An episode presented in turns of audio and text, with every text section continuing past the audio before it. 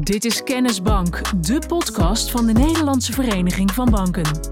Over bankzaken, financiële trends en achtergronden. Uit een onderzoek van de AFM eerder dit jaar bleek dat meer dan de helft van de Nederlanders genoeg buffers heeft om te beleggen, maar dat toch niet doet.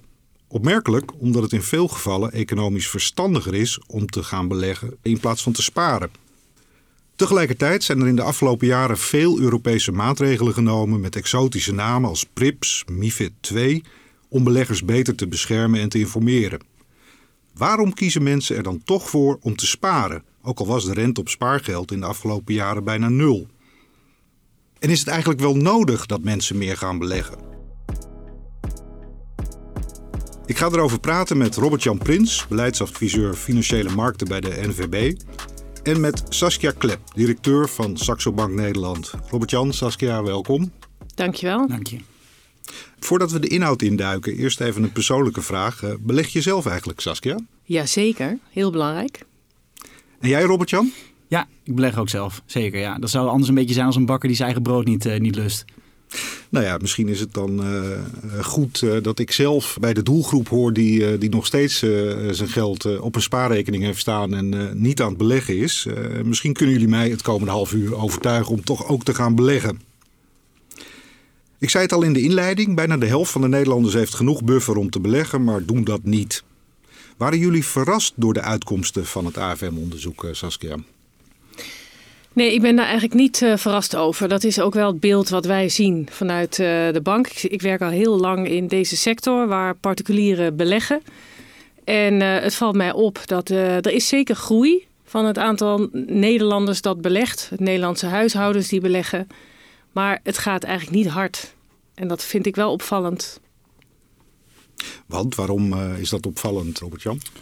Nou, er zijn veel goede redenen om te starten met beleggen. We hebben er een uh, aantal opgezond. Inflatie is een hele actuele, waardoor beleggen steeds interessanter kan zijn.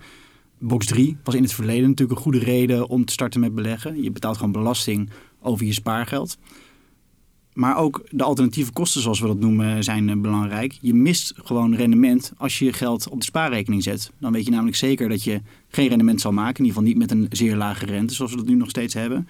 Terwijl bij beleggen de kans bestaat dat je wel rendement maakt. Dus daar kunnen we straks denk ik nog wel wat over vertellen waarom dat echt interessant is voor veel Nederlanders om te doen.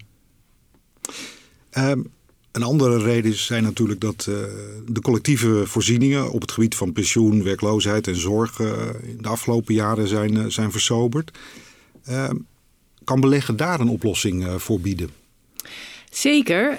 Um, en dat is voor mij denk ik misschien wel bijna de belangrijkste uh, reden om te gaan en starten met beleggen. En dat heeft te maken met het feit dat uh, wij allemaal steeds meer zelf verantwoordelijk worden gehouden uh, voor onze financiële gezondheid in de toekomst. Dus de financiële weerbaarheid in de toekomst is echt onze eigen verantwoordelijkheid geworden. Uh, dat geldt ook, denk ik, met name voor mensen die werken als ZZP'er. Uh, hebben geen pensioenopbouw, zullen ze zelf moeten doen. En met sparen ga je dat niet redden. Dan zul je echt moeten starten met beleggen. Want laten we dat eens wat concreter maken. Uh, ik wil bijvoorbeeld een jaartje eerder met pensioen. Of uh, ik wil mijn kind laten studeren een jaartje in Engeland. Zijn dat echt uh, zaken waar beleggen een betere oplossing vormt dan sparen? Iedereen kan zo zijn eigen financiële doelstelling hebben in de toekomst. Hè? Dus wat het dan ook is, dat kun je het beste zelf bepalen. Waar het volgens mij hierover gaat, is dat je vooral je bewust bent van jouw eigen financiële doelstelling in de toekomst. En dan is het een rekensom. Um, wat het rendement is op sparen op dit moment, of wat het rendement is op uh, beleggen op langere termijn. En daar zit een groot verschil tussen. Dus om die financiële doelen te behalen, jouw eigen financiële doelen, denk ik dat beleggen uh, heel belangrijk is als onderdeel van het totaal. Dus ook sparen, maar zeker ook beleggen. Ik denk dat we het nog wel even over het uh, moment moeten hebben. Want uh, ja, tot nu toe uh, was het inderdaad zo dat je rente op het spaargeld nul was. en voor grotere bedragen zelfs, zelfs negatief. Dat lijkt nu wel weer een beetje te veranderen. Is dit dan wel het moment om over te stappen op beleggen? Ja, dan heb je het over de timing wanneer je moet, moet starten met beleggen. Ik vind dat eigenlijk niet zo'n hele relevante vraag. Want het beste moment om te starten met, met beleggen was misschien wel gisteren. Maar het ene beste moment om te starten met beleggen is vandaag, zoals we dat uh, wel vaak in de industrie zeggen. Dus je kunt er heel lang over speculeren. Dat is een onbekende factor in het hele proces. Het is wat Saskia zegt belangrijk dat je je bewust bent van wat je wil, wat je doel is. En dat je daar ook naar handelt. En als je dat keer op keer uitstelt naar aanleiding van de huidige markt, dan denk ik dat je die doelen niet gaat behalen. Want die onzekerheid, ja, dat is eigenlijk een constante. Het heeft niet zoveel zin om een korte termijn blik te hebben als je wil gaan beleggen. Nee, er zitten twee elementen aan. Het ene is uh, wanneer is het goede moment om in te stappen. Nou, dan zeggen wij wel eens vaker in het Engels: uh, time in the market is better than timing the market. Uh, want dat lukt eigenlijk bijna niet. dus dan kun je maar beter gespreid instappen. Maar het tweede element wat ik denk ik hoorde zeggen is dat we vandaag de dag in een periode leven waar de beurzen gewoon ongelooflijk volatiel zijn. Ook weer even een woord, technisch woord, maar wat betekent bewegelijk. Uh, de beurzen zijn heel erg bewegelijk. Uh, zijn ook erg negatief. Hè. Ze gaan allemaal naar beneden. En dan kun je je natuurlijk afvragen: van ja, moet ik nou wel gaan beleggen? Want zie maar, de beurzen gaan omlaag. Ik denk dat dat met name weer dan te maken heeft met korte en lange termijn. Daarom zegt men ook altijd: je moet niet met al je geld gaan beleggen. Want je zult een, een, een potje geld moeten hebben wat je kan aanspreken als dat op de korte termijn noodzakelijk is. Omdat je gasrekening zo hoog is geworden, bijvoorbeeld. Dus het is altijd goed om spaargeld te hebben. Maar als je meer hebt dan dat korte termijn buffertje wat je nodig hebt voor dit soort extra kosten. Dan is uh, uit allerlei onderzoek ook gebleken dat als jij voor de lange termijn belegt, en zeker voor een periode van 10 tot 15 jaar, je altijd een positief rendement hebt. Dat zijn ook gewoon berekeningen en onderzoeken die zijn gedaan. Dit is Kennisbank. We hebben dus de, de, de gekke situatie dat uit onderzoek blijkt dat voor veel mensen geldt dat ze economisch beter af zouden zijn als ze gaan beleggen. Jullie hebben net omstandig uitgelegd dat het ook echt verstandig is om te gaan beleggen als je een aantal doelen op langere termijn uh, wil halen. Waarom doen mensen het dan toch niet? Ja, ik denk dat er heel erg gewezen wordt op de risico's van beleggen in ons land. En ook wel daarbuiten, maar ik denk in Nederland met name. Er is veel, veel aandacht voor de risico's van beleggen. Die er natuurlijk ook zijn. Dus dat moeten we ook niet ontkennen. Uh, maar er zitten ook dus risico's aan niet beleggen. En die worden onderbelicht. En dat zijn eigenlijk de argumenten die uh, Robert-Jan en ik net hebben genoemd. Als het gaat over het behalen van financiële doelstellingen ver in de toekomst. Uh, dus beleggen wordt ja, als heel gevaarlijk omschreven. Eh, vaak wordt er ook achteraan gezegd: u kunt uw inleg verliezen. Dat moet zelfs, hè? Nou, je kunt ook zeggen: uw beleggingen kunnen minder waard worden. En dat zit dichter bij de waarheid in mijn hoofd als u kunt door beleggen uw hele inleg verliezen. Want dat laatste is vrijwel onmogelijk als je belegt in een goed gespreide portefeuille, in bedrijven genoteerd aan de, uh, aan de AX of welke beurs dan ook in de wereld eigenlijk. Een individueel aandeel, een individueel bedrijf, kan failliet gaan. Maar als jij een goede spreiding hebt in jouw portefeuille, kan je nooit je hele inleg verliezen. Dat is, dat, dat is vrijwel onmogelijk.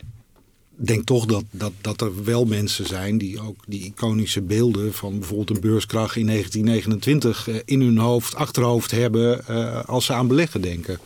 Ja, Zeker de langere termijn beleggers uh, kennen dit soort uh, beurscrisis. En dat is niet de enige geweest destijds. Daar hebben we er meer van gezien. Ik bedoel, vandaag de dag zitten we nogmaals ook in een behoorlijke dalende negatieve periode. Maar ondanks al die crisis uh, is gebleken uit onderzoek, dat is waar ik net naar refereerde, dat als je op langere termijn belegt, uh, je altijd een positief rendement zal hebben. En dat is dan niet 10, 15, 20 procent, maar dat zit dan zo rond de 4 tot 6 procent in die range ongeveer. Eh, Robert-Jan, ik wil toch nog even iets verder, uh, misschien wel in die psychologie van, van die potentiële mensen die kunnen gaan, gaan beleggen. Ehm, denk je niet ook dat, dat er gewoon veel angst is bij die mensen? En dat ze zoiets hebben van, ja, sparen is lekker makkelijk. En uh, het, het, lijkt me vooral heel ingewikkeld om te gaan beleggen. Dat klopt. Ik denk dat daar de financiële educatie een belangrijke rol kan spelen. Mensen vinden het inderdaad eng. Het is ook complex gemaakt en daar hebben we als sector denk ik aan bijgedragen, maar ook vanuit de overheid. En door al die complexe informatie op te schrijven, te verstrekken aan klanten, ja, dan lijken de voordelen bevestigd te worden dat het inderdaad wel heel gevaarlijk en complex is. En als het in, in, in de FD staat uh, dat uh, ja, de beurzen in elkaar gestort zijn, dan is dat inderdaad een headline die mensen en wakker laat liggen s'nachts. Terwijl uh, het verlies van koopkracht, bijvoorbeeld door inflatie, is eigenlijk een sluipmoordenaar. Als jij 10.000 euro op je bank laat staan en daar is nog maar 5.000 euro koopkracht van over na 10 jaar, ja, dat, is, dat is geen aantrekkelijke headline voor het FD, maar het is wel de ongemakkelijke waarheid. Dus in die zin vind ik het, is het zeg maar, de omgeving die we gecreëerd hebben als sector, maar zeker ook als overheid, dat beleggen eng is, die is niet juist. Sterker nog, we hebben beleggen nodig om vermogensbehoud en vermogensgroei te realiseren met elkaar. We zullen zo wat dieper ingaan op de redenen waarom er zoveel mensen zijn die nog niet beleggen. Maar laten we eerst even goed vaststellen waar we het over hebben. Als je zegt dat beleggen kan helpen om voldoende vermogen op te bouwen om bijvoorbeeld eerder met pensioen te gaan, hoe doe je dat dan op een verstandige manier? Nou, als eerste gaat het over het bepalen van het doel voor jezelf. Dus waar, waar ben ik dan eigenlijk op uit? Um, vervolgens is dan te bepalen hoe lang heb ik dan nog? Want die horizon, die beleggshorizon, is wel ontzettend belangrijk. Als het een te korte horizon is, dan is het maar de vraag of beleggen dan nog bij gaat dragen. Want dan loop je, loop je mogelijk te veel risico. Vervolgens is de vraag hoeveel kan je gaan beleggen? En ik ben ook altijd erg voorstander van dat je uh, maandelijks inlegt. Hè. Je hoeft niet meteen een heel groot bedrag te hebben om te beleggen. Je kunt ook beginnen met een klein bedrag en maandelijks een deel van je salaris inleggen in een beleggingsportefeuille. En wat is een klein bedrag? Dat, dat hangt heel erg van de persoon af. Maar dat, je kan, wij spreken met 50 euro per maand kun jij starten met beleggen. Dan zijn er allerlei producten, uh, zoals uh, ja, mandjes van aandelen, die worden wel trackers genoemd, of ETF's. Uh, heb je een heel mooi gespreide mand van aandelen waar je maandelijks dan 50 euro in kan beleggen om zo je vermogen op te bouwen voor later. Dus dat is ook weer heel afhankelijk van je eigen persoonlijke situatie. En daar zit dan ook vaak de crux, hè, om dat misschien dan nog even te benadrukken. Om beleggen hangt nogal een, een, een, een mystieke wolk overheen, om het zo maar te zeggen. Uh, en dat is vaak om te beleggen heb je heel veel geld nodig, dus veel startkapitaal. Het kost heel erg veel tijd. En je hebt heel veel kennis nodig, want het is heel complex. En ik denk dat alle drie uh, niet waar is. Het kan allemaal. Hè. Je kunt uh, met hele grote bedragen beleggen, maar het hoeft niet. Je kunt er heel veel tijd aan besteden, maar dat hoeft niet. En je kunt het heel complex maken, maar dat hoeft ook niet. Dus je kunt met kleine bedragen starten. Dat kun je uh, door een uh, financiële partij voor jou laten beleggen. Of je kunt het zelf doen. Als je het voor je laat beleggen, dan, dan gaat het over online vermogensbeheerproducten. Of bij private banks kun je naar vermogensbeheer gaan en dan heb je een private banker die jou helpt met beleggen. Maar daar is dus ook heel uh, range aan aanbod in, in Nederland. En ga je het zelf doen, dan ga je zelf onderzoek doen naar fondsen of aandelen waar je in zou willen beleggen. En zou je voor deze groep die zeg maar nog een beetje twijfelt of ze die stap zullen maken naar beleggen, uh, moeten die zelf gaan beleggen? Of is het dan verstandiger om uh, het toch te laten doen door, door bijvoorbeeld je bank? Dat vind ik echt ook weer heel persoonsgebonden. Dat kan je niet in zijn algemeenheid zeggen. Dat hangt echt van de persoon af. En als jij besluit om het zelf te doen, dan is er ook best wel veel educatie uh, te vinden. Er zijn webinars te vinden, er zijn uh, artikelen te vinden die je uitleggen hoe beleggen in zijn werk gaat, wat de verschillende instrumenten zijn. En dan kun je echt best wel ver komen. Dan kun je zelf wel jezelf onderrichten om uh, te starten met beleggen. Ik zou er nog wel iets aan toe willen voegen, Saskia. Want het gaat ook over de mate van ontzorging, denk ik, die een klant wenst te hebben. Ben je inderdaad die piekeraar die s'nachts in bed uh, ligt en niet kan slapen van een dalende beurskoers? Of bang is om hè, het juiste risicoprofiel vast te stellen of niet twijfelt over de beleggingshorizon? Dan is het misschien wel nuttig om met zo'n vermogensbeheerder te gaan praten. Een professional die jou daarin in begeleidt. Daar betaal je natuurlijk ook voor, dus daar moet je rekening mee houden. Um, maar dan kan dat de geschikte keuze zijn. En vind je het leuk om daar zelf mee bezig te zijn? Plezier en uitdaging is ook gewoon een kenmerk van sommige beleggers dan is zelfbeleggen misschien wel geschikter. Uh, zeker omdat je in de regel dan ook de beheerkosten niet betaalt aan de bank. En als je het uh, dan uh, uit gemak en omdat je geen zin hebt om dag en nacht wakker te liggen, omdat de beurskoersen weer op en neer gaan, het gewoon uit handen geeft. wat, wat kan de bank dan voor jou betekenen? Het is niet zo dat als je het in beheer geeft, dat die beurskoersen niet op en neer gaan. Dat is denk ik ook een beetje een, een, een mythe die we weg, moeten nemen. We hebben allemaal te maken met dezelfde financiële markt, dus zo, zo werkt dat niet. Maar zo'n iemand van de banken kun je veel beter begeleiden in het bepalen van je risicotolerantie. Of het inventariseren van jouw hele vermogen. Hè? hoeveel spaargeld heb je? Wat is je inkomen? Wat voor beroep heb je? Heb je veel kennis en ervaring met instrumenten? En op basis van al die informatie die een bank in moet winnen, kan er dan een product aangeboden worden wat heel geschikt en gepast is voor die specifieke klant. We hadden het uh, eerder al eventjes over allerlei redenen waarom het tegenwoordig misschien wel zo complex is gemaakt beleggen dat, dat, dat mensen toch een drempel ervaren. Je schetst net wat een bank allemaal moet vragen aan haar klant. Met die uitvraag van al die gegevens hebben we het daarmee nog wat lastiger gemaakt. Ik vind het wel, ja. Als je kijkt naar beleggingsadvies en vermogensbeheer, dan zijn dat in mijn optiek eh, concepten waarin de klant redelijk goed beschermd is, eigenlijk tegen zichzelf. De zelfbelegger is natuurlijk niet een perfect rationeel handelend mens. Uh, dus die maakt wel eens uh, ja, suboptimale keuzes, zoals de AFM dat, dat zelf noemt. Die spreidt niet genoeg. Of die koopt producten die te duur zijn. Of producten die eigenlijk te risicovol zijn voor die klant. Nou, dat soort keuzes worden best wel geëlimineerd in vermogensbeheer of, bij beleggingsadvies. Dus die concepten die beschermen de klanten eigenlijk veel beter, uh, vind ik. het probleem is dat die concepten van beheer en advies, dat daar juist de regels extreem strak uh, aangehaald zijn. Dus de bank moet inderdaad heel veel weten van zo'n klant. Uh, ja, zit een klant te wachten op 40 of 50 vragen over de herkomst van zijn vermogen, zijn kennis en ervaring. Eigenlijk allemaal zaken waar hij niks van af weet, omdat hij juist naar die beheerder toe is gegaan om de boel uit handen te geven.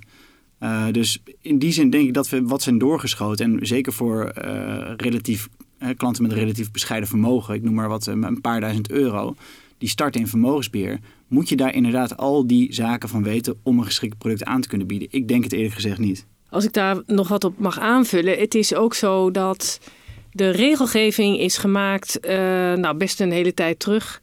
Uh, in een periode dat er nog weinig innovatie was als het gaat over uh, het aanbod door online banken. Hè? Dus de, meer platformachtige banken zoals de bank waar ik werk, Saxo Bank.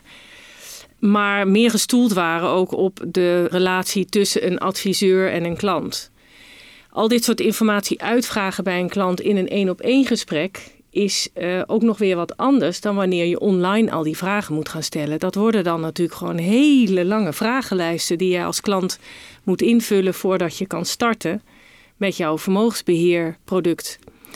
En de regelgeving is niet mee geïnnoveerd. En dat betekent eigenlijk dat de regelgeving die gemaakt is voor die één op één relatie tussen uh, bank en klant, nu ook uitgevoerd moet worden online. En eigenlijk is dat heel klantonvriendelijk. Maar zo lang geleden is dat nog niet uh, allemaal veranderd. Ik kan me herinneren dat uh, enkele jaren geleden pas MIFID 2 en, uh, en PRIPS. en MIFID 2, ik geloof dat het een paar telefoonboeken zijn vol met, met regeltjes waaraan je dienstverlening moet voldoen. Eigenlijk zeggen jullie van dat kan nu alweer bij het oud papier en dat moet anders die regels zijn inderdaad vrij nieuw, maar de dienstverlening door het digitale tijdperk is gewoon enorm veranderd. Eh, dus die, die regelgeving is niet meer fit for purpose. Die doet nog net alsof iedere bank met zijn klant op de Herengrachten bij wijze van spreken afspreekt, hè, een relatiebeheerder heeft, uh, een, een, een chic zakendiner heeft, et cetera, et cetera. Dat is niet meer van deze tijd. Een vermogensbeheerovereenkomst, relatie tussen de bank en de klant, is digitaal. Uh, dus in die zin denk ik dat die regelgeving, ook al is die nog maar twee jaar oud of drie jaar oud, dus in 2018 uh, is het ingegaan, die is dan nu al niet meer fit for purpose. En dat is eigenlijk wel, wel schrijnend, vind ik, omdat we daarmee doen alsof vermogensbeheer ontzettend complex, lastig en moeilijk is. Terwijl we eigenlijk die drempel moeten verlagen daarvoor om meer mensen daarvan te laten profiteren. Dit is Kennisbank. Ja, in het rapport eh, van de AFM staat dus eigenlijk dat uh, veel mensen kunnen gaan beleggen en, het niet doen.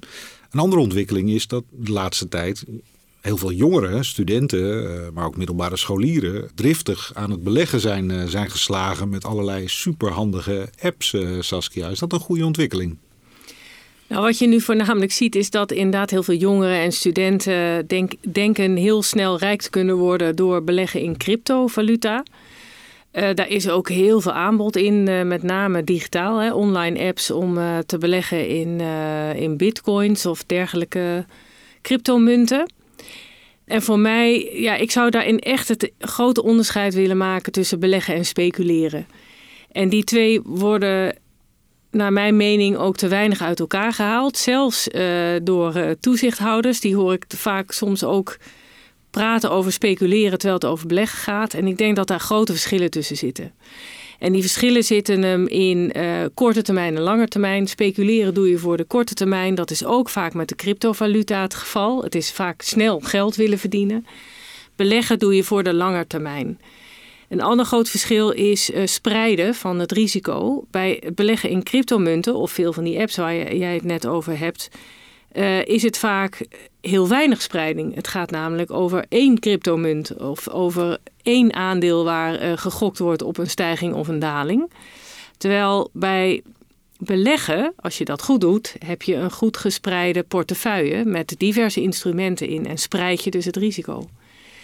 Ik, ik vind het zelf heel belangrijk om dat onderscheid te maken. Zoals jij het schetst, is het eigenlijk een beetje een soort gokken wat je doet als je voor zo'n korte termijn aan het speculeren bent. Uh, als serieuze beleggingsdienstverlener hebben jullie dan ook niet last van het beeld wat dit soort mogelijkheden ja, oproepen? Nou, op het moment dat het geschaard wordt onder beleggen, dan hebben we er wel last van. Want dan wordt natuurlijk het allemaal op één hoop gegooid. En dan wordt dat risico uh, ook uh, geprojecteerd op het nou ja, meer langetermijn uh, verstandige beleggen, zou ik bijna willen zeggen. Dus dat is wel vervelend.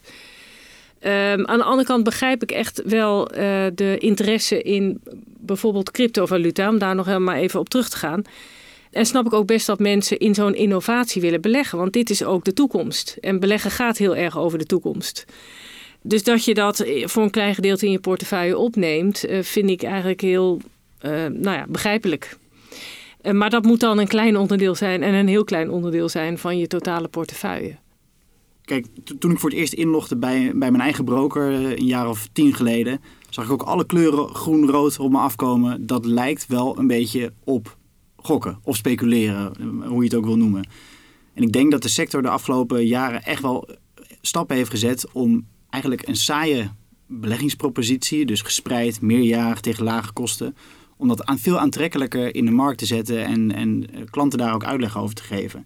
En dat is hartstikke lastig, want wat is nou leuker, voor, zeker voor jongeren denk ik, wat is leuker? Al die prikkels die je krijgt in zo'n online omgeving, waar je allerlei keuzes kunt maken en zelf achter het stuur zit, of waarbij je eigenlijk zegt, uh, hier is mijn geld uh, tot over tien jaar en er nooit meer naar kijkt. Ja, ik denk dat voor veel mensen de keuze snel gemaakt is. Ik vind dat we daar als sector ook echt stappen hebben gezet om, om eigenlijk eenvoudigere en betere producten in de markt te zetten. We moeten er naartoe werken dat we klanten zover krijgen om niet iedere week meer op hun beleggersrekening te kijken waarvoor ze hebben gezegd uh, dat staat voor 10 of voor 15 jaar vast. En daar ben ik zelf ook debet aan. Ik kijk ook wekelijks naar mijn beleggersrekening. Ja, waarom? Dat is gewoon ja, consumentenpsychologie eigenlijk. En nou, ik denk dat banken daar nog veel stappen wel kunnen zetten. Zijn beleggers beter beschermd door al die regelgeving waar we het net over hadden dan tien jaar geleden? Beleggers zijn heel goed beschermd. Ik durf wel in Nederland te zeggen dat bij de Nederlandse banken, Grootbank of niet, of bij Saxo Bank, bij kleinere partijen, die regels die zijn af. Het huis is af, zoals ik het wel eens uh, zeg tegen, tegen collega's. Dus wat mij betreft zijn, nou niet, is er niet veel aanleiding om die regels momenteel te veranderen. Sterker nog, ik zou ervoor pleiten om uh, het aantal regels toch nog eens een keer flink te herzien heel veel regels zijn namelijk helemaal niet gemaakt uh, met, met consumententests bijvoorbeeld uh, gecheckt. Dus wij vragen continu aandacht ook voor als er nieuwe wetgeving is. Is dit eigenlijk gecheckt bij consumenten? Werkt dit? Is dit wat ze willen? Eh, gaat dit het beoogde doel ook bereiken? Kunnen jullie nog een paar concrete voorbeelden geven van zaken waarvan jullie zeggen van nou ja, dat, dat schiet echt zijn doel voorbij. Daar, daar, daar schrik je alleen maar mensen mee af en je, je beschermt ze er niet mee. Nou, daar heb ik er wel één van. En dat is bijvoorbeeld het aantal waarschuwingen wat wij moeten geven aan uh, beleggers. Het is helder dat als je heel veel en heel vaak waarschuwt, een waarschuwing uh, aan waarde verliest. Een klant voelt zich niet meer gewaarschuwd. En ik durf echt te stellen dat die helemaal niet meer aankomen. Er gebeurt gewoon niks mee. Ik denk dat mensen ze heel vaak niet meer lezen. Nee, ik, ik, ken nog wel een verhaal van een private banker die ik een aantal weken geleden sprak. Die zei, ik heb gewoon klanten die een apart e-mailadres hiervoor aan hebben gemaakt. Voor al die meldingen die binnenstromen. Ja, ik kan ze niet uitzetten. Dan maak ik gewoon een apart e-mailadres en dan is het klaar. Ja, dat kan dus niet de bedoeling zijn van de regelgeving. Ik heb ook nog wel een ander voorbeeld, uh, ook uit hetzelfde gesprek. Uh, als een beleggingsadviseur of een, of een, klant wil bijvoorbeeld aandelen Shell kopen, duizend aandelen Shell. Um, die bespreekt dat met zijn adviseur. Dit gaat over beleggingsadvies. Die adviseur die beoordeelt de wens van de klant. Is dat wel geschikt voor die klant om die duizend aandelen Shell te kopen? Die levert dan vervolgens een rapport op en stuurt het naar de klant. En die klant kan dan doorgaan met die transactie als de beoordeling positief is natuurlijk. Maar die klant die bedacht zich en die wilde in plaats van duizend uh, stukken Shell, wilde die eigenlijk binnen een kwartier nog een keer duizend uh, stukken Shell kopen. Nou, dat hele proces van die uh, geschiktheidsrapportage en die beoordeling moest opnieuw plaatsvinden. Uh, terwijl die klant was natuurlijk op de hoogte van de risico's. Die kent het aandeel. Uh, die, kent, die adviseur heeft al eerder een positief oordeel geveld. Het idee achter die rapportage is ook dat je inzicht krijgt in de kosten. Dat die klant erop gewezen wordt als je nog een keer zo'n transactie plaatst. Let op, veel transacties doen kost geld. Maar heel veel adviesklanten, ik weet niet of dat bij jullie ook zo is Saskia, die hebben gewoon een all-in fee. Dus daar, het gaat helemaal niet om die extra transactie die kost opleveren. Die klant is daar dus helemaal niet mee geholpen. Die informatie voegt niks toe dat land weer op dat e-mailadres van die klant. En die klant die neemt het inderdaad voor kennis, kennisgeving aan, maar doet daar niks mee. Dus dat zijn dingen die we echt, echt wel moeten, moeten veranderen met elkaar. Ja, we hebben geconstateerd dat het voor veel mensen verstandiger is om te gaan beleggen dan om te sparen. Uh, het levert op de lange termijn simpelweg gewoon meer op. Uh, verder hebben we gezien dat beleggen een essentieel instrument is om vermogen op te bouwen. Maar toch hebben we ook vastgesteld dat mensen door een aantal zaken toch niet, niet gaan beleggen. Hoe gaan we dit nu oplossen? Gaan we uh, het gesprek aan met de toezichthouders, de politiek? Wat, wat, wat moet er veranderen? Financiële educatie is ontzettend belangrijk. Maar ik denk ook dat dat weerbarstig is. Het is heel moeilijk om mensen de juiste kennis mee te geven. Uh, nou ja, vanaf het moment dat ze mogen beleggen. Eigenlijk, al, eigenlijk al de middelbare school is het moeilijk om uitleg over je financiën te krijgen. In ieder geval, ik had het niet op mijn middelbare school. Ik heb wel economie gehad. Maar ik heb geen, uh, geen les over mijn huishoudboekje gehad.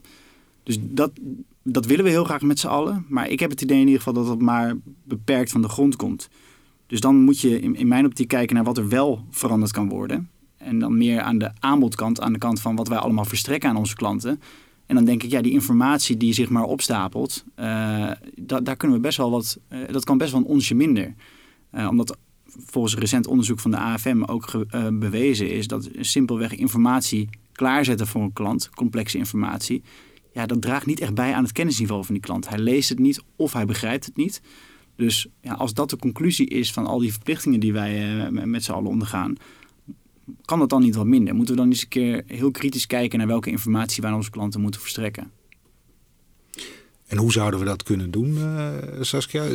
Zijn er uh, brochures denkbaar die wel gelezen worden door klanten, die wel uh, ja, de juiste snaar raken en ze genoeg informatie meegeven om, ehm, of, of moeten we het op een hele andere manier gaan aanpakken?